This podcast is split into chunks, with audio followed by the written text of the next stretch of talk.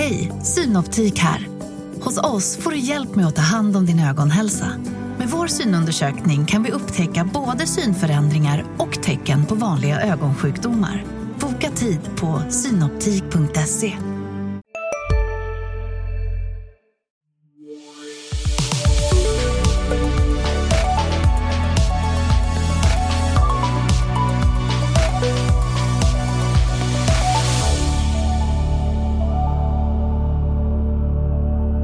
Välkomna till Analyspodden, Dagens Industris podd om börs och aktier. Idag är det jag, Rickard Bråse och Magnus Dagel som tar plats bakom mikrofonerna.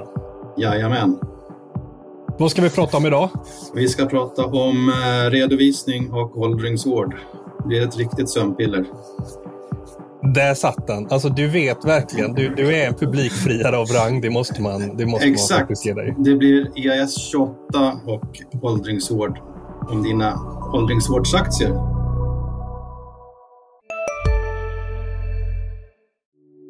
Hej, Ulf Kristersson här. På många sätt är det en mörk tid vi lever i. Men nu tar vi ett stort steg för att göra Sverige till en tryggare och säkrare plats. Sverige är nu medlem i Nato. En för alla, alla för en. Har du också valt att bli egen? Då är det viktigt att skaffa en bra företagsförsäkring. Hos oss är alla småföretag stora och inga frågor för små. Swedeas företagsförsäkring är anpassad för mindre företag och täcker även sånt som din hemförsäkring inte täcker. Gå in på swedea.se företag och jämför själv. Men allra först kanske vi ska börja med en av mina gamla favoriter, SBB. Ett fastighetsbolag som har en fenomenal förmåga att skapa rubriker och hamna i virveln. Ja, det är ju ditt älsklingsobjekt, är det inte det? Jo, alltså det, jag har ju ofta ett eller två bolag per år som, som, som jag lever lite mer för. Och, och förra året kan man väl säga att det var SBB som gick, som jag la mycket energi på. Eh, och det, de fortsätter ju att leverera eh, rubriker för igår kväll. Nu när vi spelar in detta kan vi ju säga att det är fredag den tionde tror jag och klockan har slagit tio. Ja. Och igår, alltså torsdag, så kom det ett pressmeddelande ifrån SBB om att obligations, en obligationsägare har begärt, hävdat kovenantbrott och begärt pengarna tillbaka på en euroobligation. Just det. Och vet man vilken obligation det är här? Det stod, eh, nej, det, man vet inte vilken obligation det är. Eh, men jag tror att det är flera för att det, det, var väl från två olika basprospekt eller något i den stilen har jag för mig att formuleringen var. SBB å sin sida hävdar ju att det inte alls är något kovenantsbrott. Det här har ju varit lite av en följetong sen, sen i våras när, när vi uppmärksammade att så som räntetäckningsuppställningen är formulerad i det här basprospektet, som var det sättet som även FB redovisade tidigare, där man klabbade in sina intressebolag och joint ventures i i resultatet. Just det, i räntetäckningsgraden där. Och räntetäckningsgraden kanske jag ska säga, det är ju alltså hur, hur pass väl vinsten från driften täcker räntorna.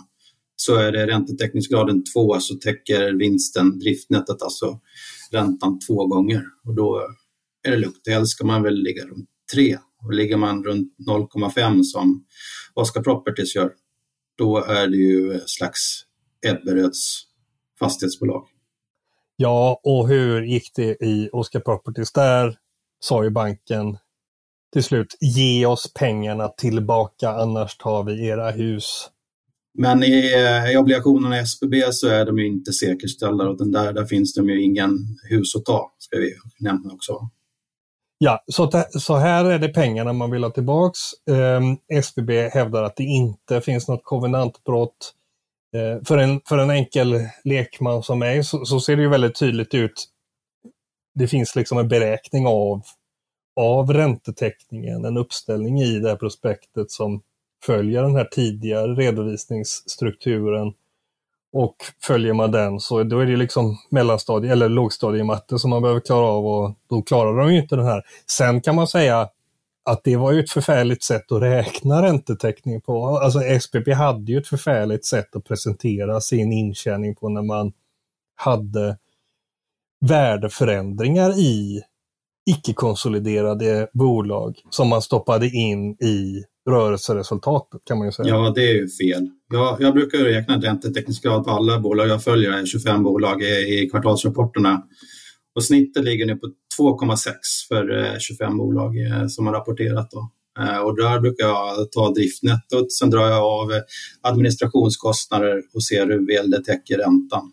Så, så gör jag när jag räknar. Och tar man in då Eh, till exempel joint venture som man inte får något kassaflöde från eller utdelningar så blir det ju, det blir det ju konstigt tycker jag.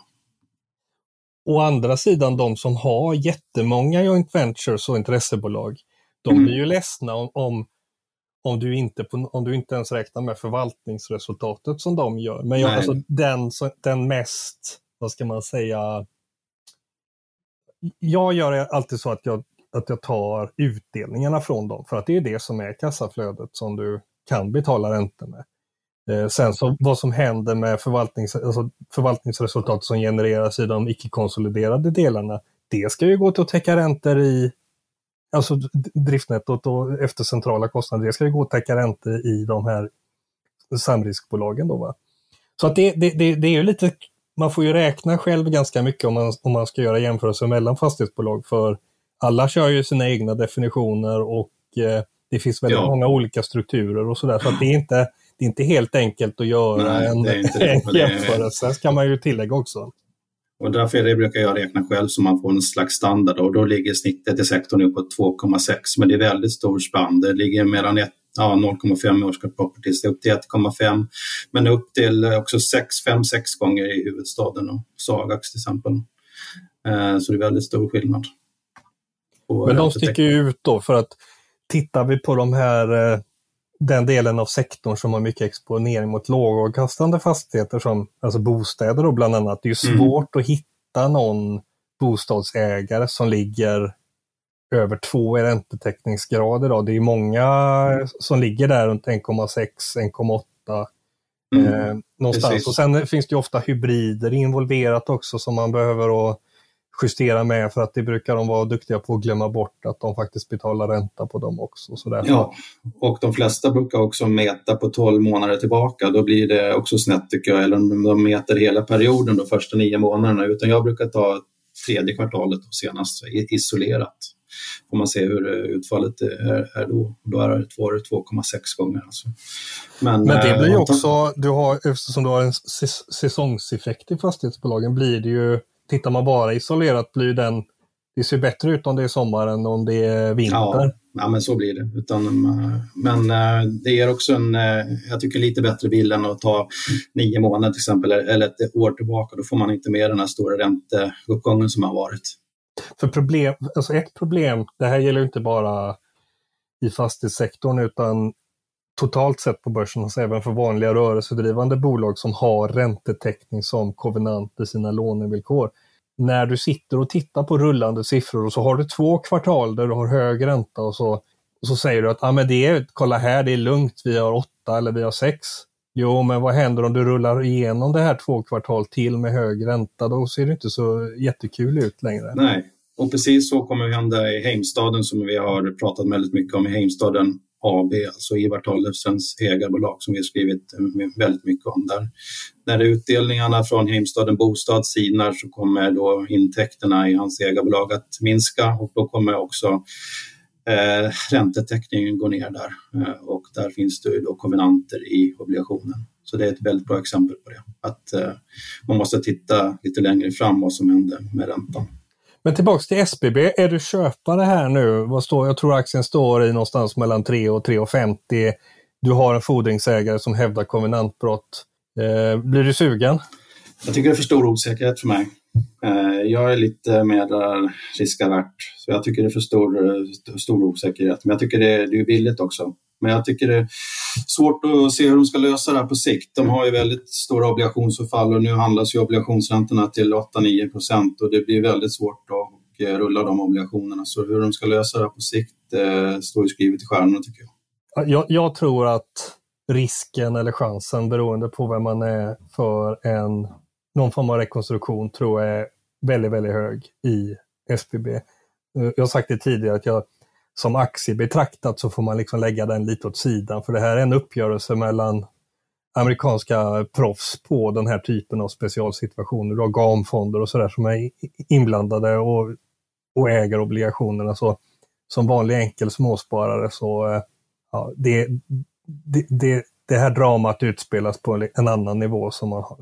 Så, så vi ska säga att kortsiktigt är det ju inget problem för dem, eh, utan de har ju pengar i kassan nu och eh, de har ju också låg ränta på sina obligationer. Mycket av deras obligationer ligger på fast ränta och mycket av förfallen ligger ju flera år bortåt. Så det är positivt för dem. Och en annan positiv faktor är att hyrorna kommer höjas eh, ordentligt nu vid årsskiftet igen. Här.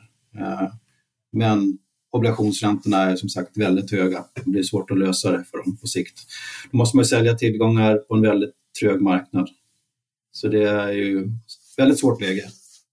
Men jag tror inte att det, att det har ju varit jättemycket fokus nu på, på obligationer. Att det är det som är, du har sett de som har mycket obligationsfinansiering, det är de som har tagit mycket stryk.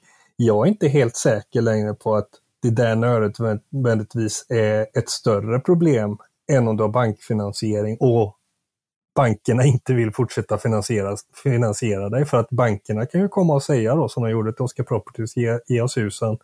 Mm. Jag skulle hellre, jag skulle, om, jag, om jag var ett krisande fastighetsbolag skulle jag hellre ta en förhandling med Spiltans obligationsfonder än, än, än någon kamrer på en, ja. någon hårdkokt kamrer på en, på en bank. Liksom, som... Ja, och det såg vi ju nu eh, med, med Spiltan-fonder till exempel med eh, Fastator att de gick ju med på en eh, halverad ränta på 5 bara och kunde gå vidare och förlängde obligationsavtalen. Så hade ju en bank aldrig gått med på om det varit säkerställda fastigheter med pant. Då hade man förmodligen tagit panten helt enkelt. Så jag är också lite inne på din eh, linje där.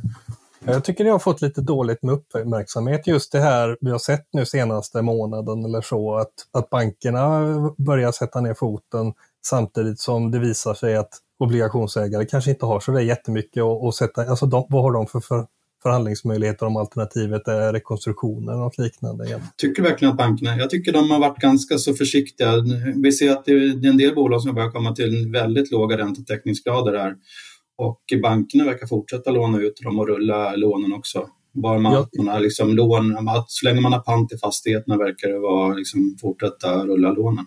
Ja, de som ligger under två i räntetäckningsgrad nu, de har ett, jag tror bankerna säger till dem, ni har ett alternativ, gör en nyemission eller så har ni inte liksom vårt förtroende längre. Och är, jag tror inte att John Mattsson eller Nivika gjorde nyemissioner för att de bara tyckte att det är kul att göra nyemission, utan det är ju såklart en bank som har sagt till dem att mm. ta in pengar så löser vi det här. Ta inte in pengar så löser vi inte det här. Jag tror att det är så man måste se det och jag tror att vi inte har sett den sista nyemissionen, framförallt inte de i det låggildande segmentet. Om man Nej. Och som jag räknar eh, räntetäckningsgrad så, så har ju till exempel K-fastigheter 1,4 i räntetäckningsgrad, Fastpartner 1,9, Kårum 1,9, Nyfosa 1,8. Eh, Klarabo ligger strax över 2,1 nu eh, och Mats Mattsson låg ju på 1,7 nu som gör en nyemission. Så det är, det är ett par som är, ligger lite lågt i räntetäckning kan jag tycka. Och Nyfosa fortsätter dela ut pengar då, kvartalsvis som man beslutade på stämman i, i våras. Och det måste, har du beslutat om utdelning så måste du betala ut den i praktiken ja. i Sverige. Om mm. du inte kan samla alla aktieägare på liksom, vad man nu ska samla alla aktieägare på Gärdet kanske och ha en ja. jättestämma där alla går med på att stryka det. Det. det. kommer ju aldrig någonsin hända utan du måste, det där blir en eh, blir, blir, blir det konkurs eller så blir det en oprioriterad fordran till och med från aktieägare på bolaget. Ja. Så att utdelning, utdelning som är, är, är beslutad i praktiken i Sverige då. Och det kommer ju SBB få betala ut nu i vår då, eller utdelningen där. Jag ja. minns inte hur stor den var, men bara 1,2 miljarder var eller? De Nej, det ska väl inte vara osagt. Ja, eh, det är nog bäst. Jag, vet, jag kommer inte ihåg hur mycket det De har ju delat ut eh, två månader tror jag, så att det återstår ju eh, eh merparten av årsutdelningen att betala ut. Hej, Susanne Axel här. När du gör som jag och listar dig på en av Krys vårdcentraler får du en fast läkarkontakt som kan din sjukdomshistoria. Du får träffa erfarna specialister, tillgång till lättakuten och så kan du chatta med vårdpersonalen. Så gör ditt viktigaste val idag, lista dig hos Kry. Ni är med om det största. Och det största är den minsta. Ni minns de första ögonblicken. Och den där blicken gör er starkare. Så starka att ni är ömtåliga. Men hittar trygghet i Sveriges populäraste barnförsäkring. Trygg Hansa. Trygghet för livet.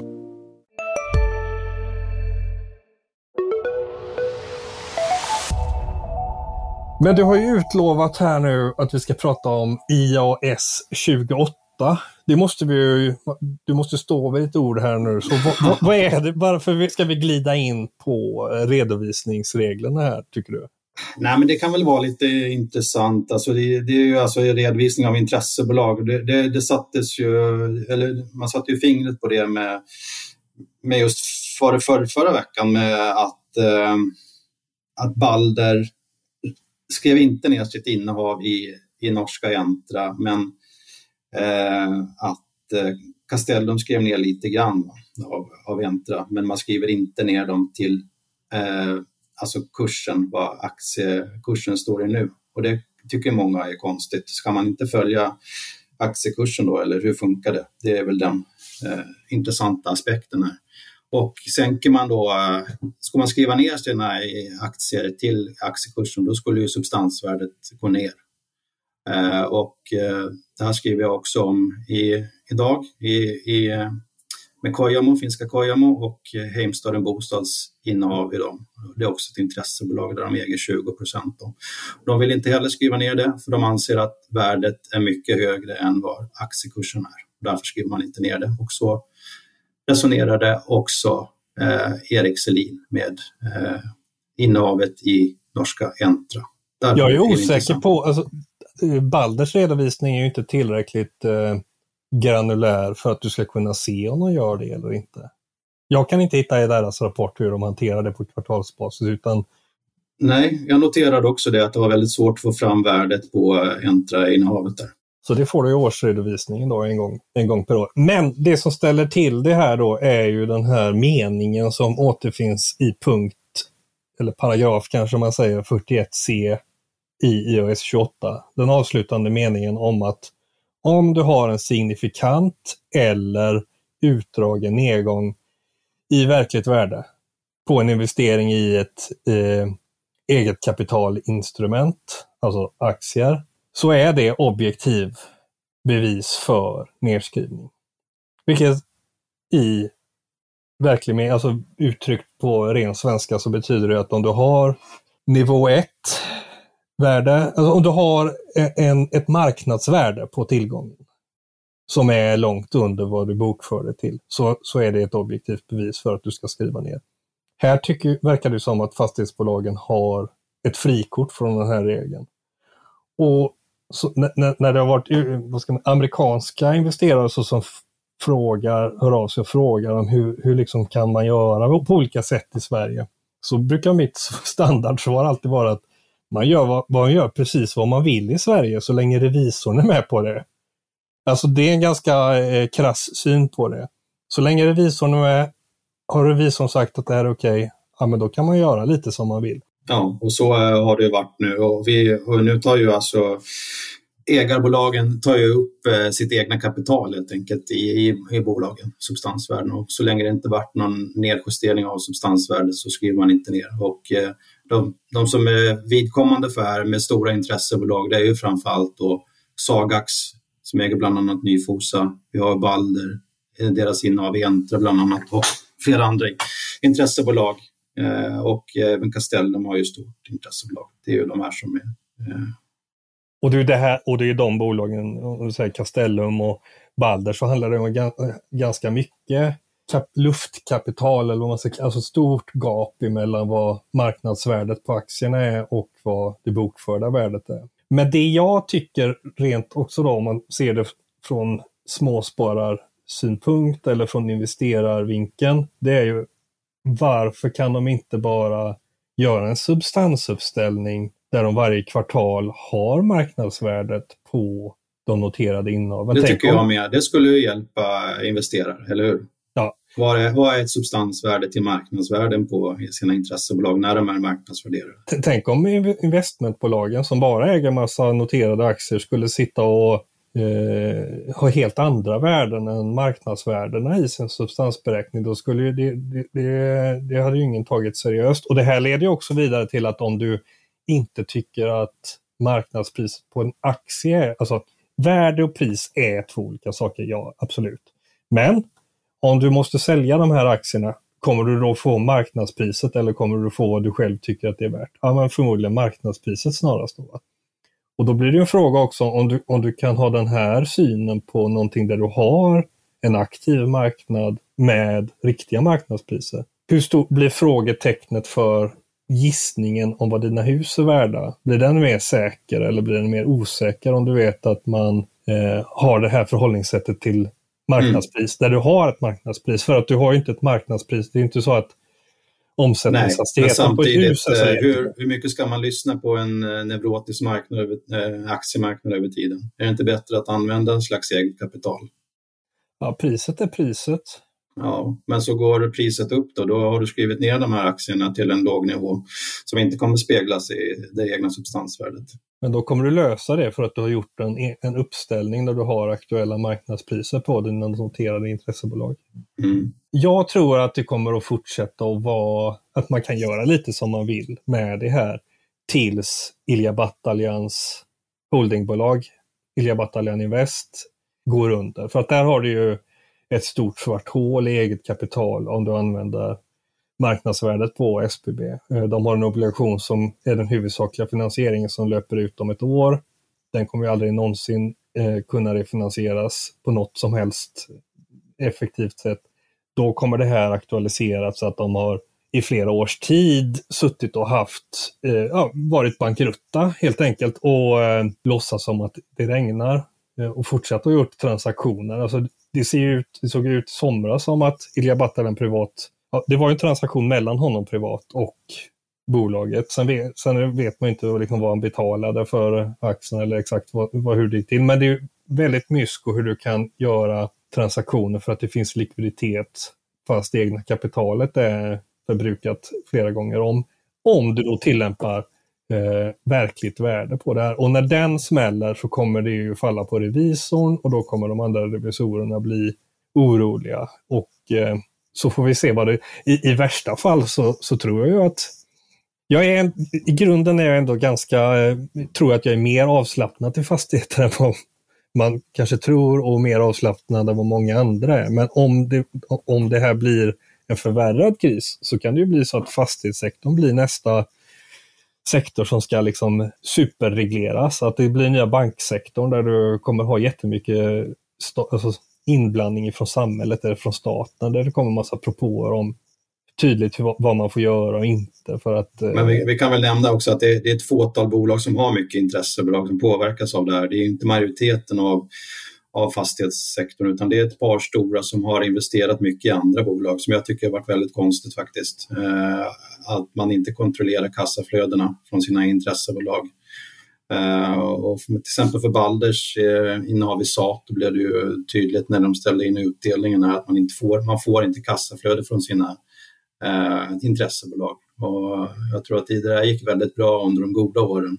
Men nu ser man att, eh, att det inte är helt givet att, att deläga bolag som, som börsnoterade bolag. Och jag tror också att liksom den här diskussionen som vi har nu med just hur man ska värdera intressebolagen kan just accentuera det tror jag. Mm.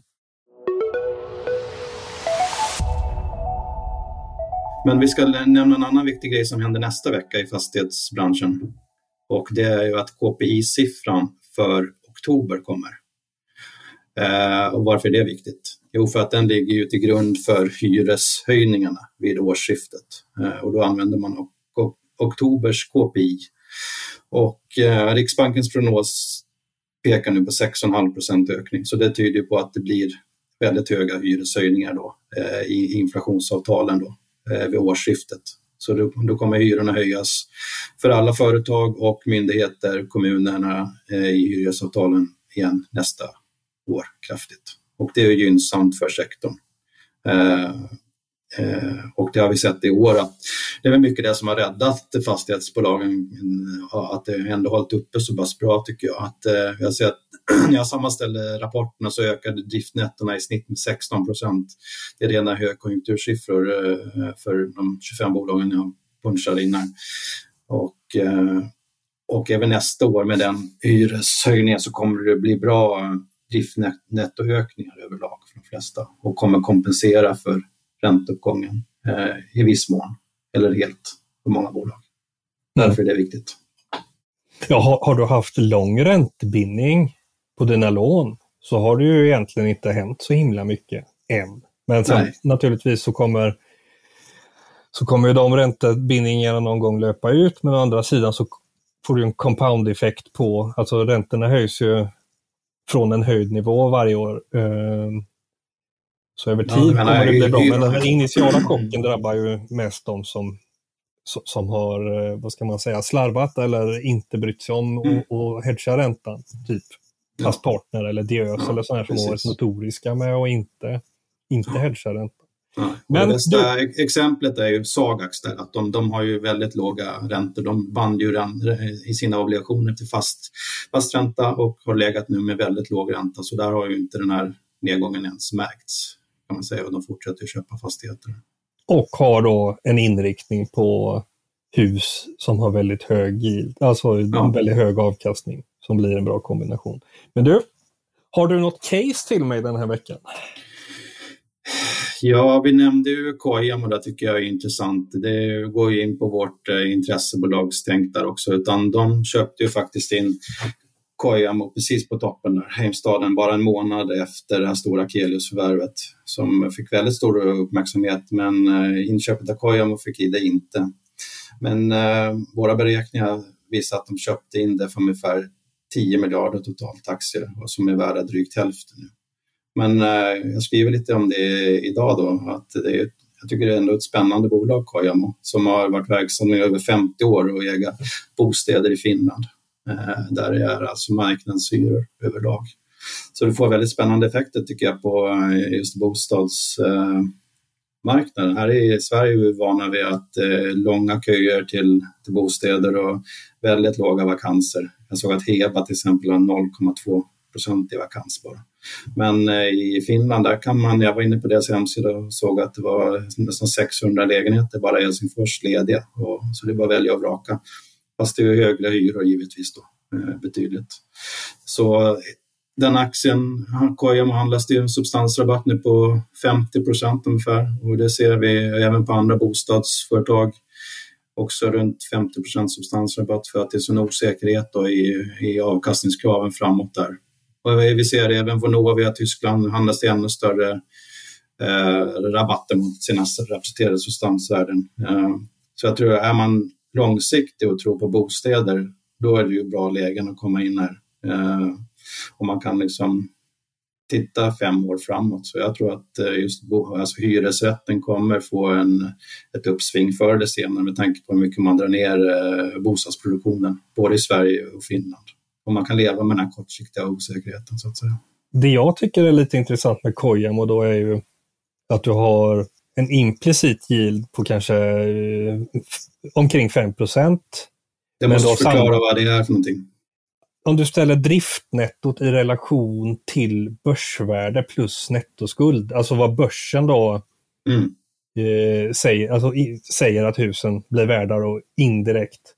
Och, så ligger på 5 procent och det, det kanske var eh, nästan i klass med om man säger krisstämplade bolag som Neobo i Sverige. Och samtidigt har du inte alls den här skuld, skulddramat för att här har du ju räntetäckning. Jag tror att den på rullande 12 är 4 eller något sånt mm, mm. Eh, så, så, att du har inte samma finansiella risk och, och, du har bostäder. I och för sig en annan typ av marknad för bostäder, men ja, jag tycker den ser, eh, den ser intressant ut också faktiskt. Mm håller med. Men det är ju vakans på 8 procent till exempel eh, löpande. Eh, för bostäder. Nivåer som vi aldrig varit eh, sett, eh, sett i Sverige på grund av de reglerade hyrorna. Men jag pratade med en finländsk analytiker precis och de sa att det görs inga transaktioner nu under 4 procent. Men eh, implicit så av börsen så värderas det upp till 5 procent, så betydligt högre. Så det finns ju lite fallhöjd i, eh, i fastighetsvärdena för att komma till börsens nivå, om vi ska mm. sammanfatta det. Ja, har du något spännande case till mig då? Nej, jag tror inte det. Eller, jag, jag, jag har ju gapat mig lite smått hes om eh, åldringsvårdsbolag, eller egentligen om defensiva aktier generellt. Jag är ju superskärrad för eh, vad konjunkturen är på väg. Det, visst, det går att hitta bolag som har fina storbolag till och med som har låga värderingar sett på nästa års förväntade vinst. Men att de har så låga värderingar beror väl på att placerarna kanske inte riktigt har samma syn på vad nästa års vinst är som vad analytikerna har. Så jag, jag tror att man ska vara fokuserad på eh, konjunkturoberoende. Jag tror att stabilitet kommer vara den utslagsgivande faktorn eh, kommande 12 månader eller, eller så.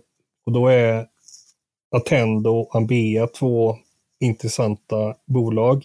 De har gått urstarkt efter rapporterna ska man ju tillägga, men om man tar en BA så ser den fortfarande väldigt, väldigt billig ut. Du har vinsttillväxt. Alltså hur, hur många bolag har du, vad de nu har, 11-12 procents free cash flow yield och samtidigt kommer du ha växande vinst nästa år. Men kommer man kunna dela ut de här pengarna? Vad, vad är den här free cash, eh, liksom free cash flow yielden värd om man inte kan dela ut pengar i, i sådana här omsorgsbolag och vårdbolag? Eller? De delar ut, de har ju upplägget att de delar ut en tredjedel Sen gör de förvärv och sen det som är liksom resterande delen blir det återköp av så att du får ju en den blir också bra. Alltså har, har, du en jättelågt värderad verksamhet med högt kassaflöde, antingen kommer den växa genom förvärven eller så kommer de återköpa aktier. Så, så den tycker jag är intressant. Visst, nu när Attendo har fått till sin turnaround i Finland genom att de har haft problem där under flera år efter att man införde massa regleringar med personaltäthet. Nu i år har man fått igenom prishöjningar och det ser ju bättre ut. Man, man underskattar hur dåligt det var när det gick dåligt och nu underskattar man väldigt lätt hur bra det blir när det har vänt.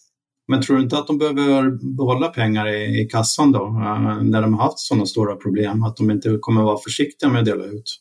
Attendo har inte delat ut på fyra år, men de kommer, jag, jag tror jag kan garantera dig att de kommer att, att återuppta utdelningen när bokslutet presenteras. För att det fina är ju när du inte har delat ut och ebitda har varit nedtryckt av att eh, verksamheten har gått, inte mått bra. Det blir ju att när det väl vänder så blir det en omvänd lavineffekt där nettoskulden helt plötsligt ser jätteliten ut i Attendo. Så att eh, de har ju eh, väldigt, de ser mycket mindre skuldsatta ut nu än vad Ambea gör. Eh, till exempel då, för att det här är ju verksamheter där du måste ha skuld, ganska hög skuld för att få någon rejäl utväxling på det. För att det är inte Atlas Copco vi pratar om precis. Mm. Um, Men är det inte rimligt att ha en låg skuldsättning med, med tanke på att det är ganska hög risk operativt i verksamheten? Det har ju liksom utvecklingen de senaste åren visat.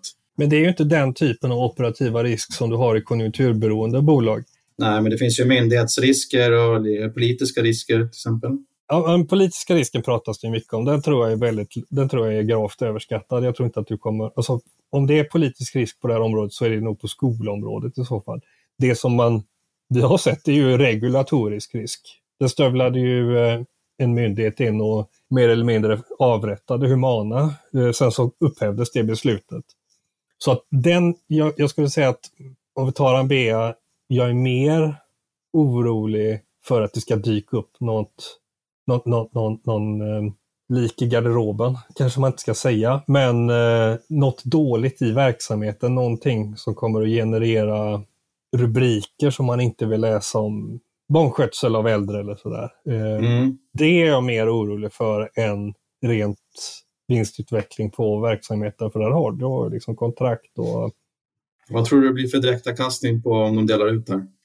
Kan inte, den, är, den, den blir ju låg för eftersom de bara delar ut en tredjedel av vinsten. Så att alltså, av free cash flow blir det ju låg som du får ut i pengar. Men jag har inget emot om de gör jättestora återköp när aktien är så lågt värderad som den är. Ja, men det är väl bra. Nu har vi pratat eh, åldringsvård eh, och eh, fastigheter och eh, redovisning E28 i... Och skrämt upp revisorerna har jag försökt att göra också. Det, det tycker det är lite Ja. en favoritsyssla jag har.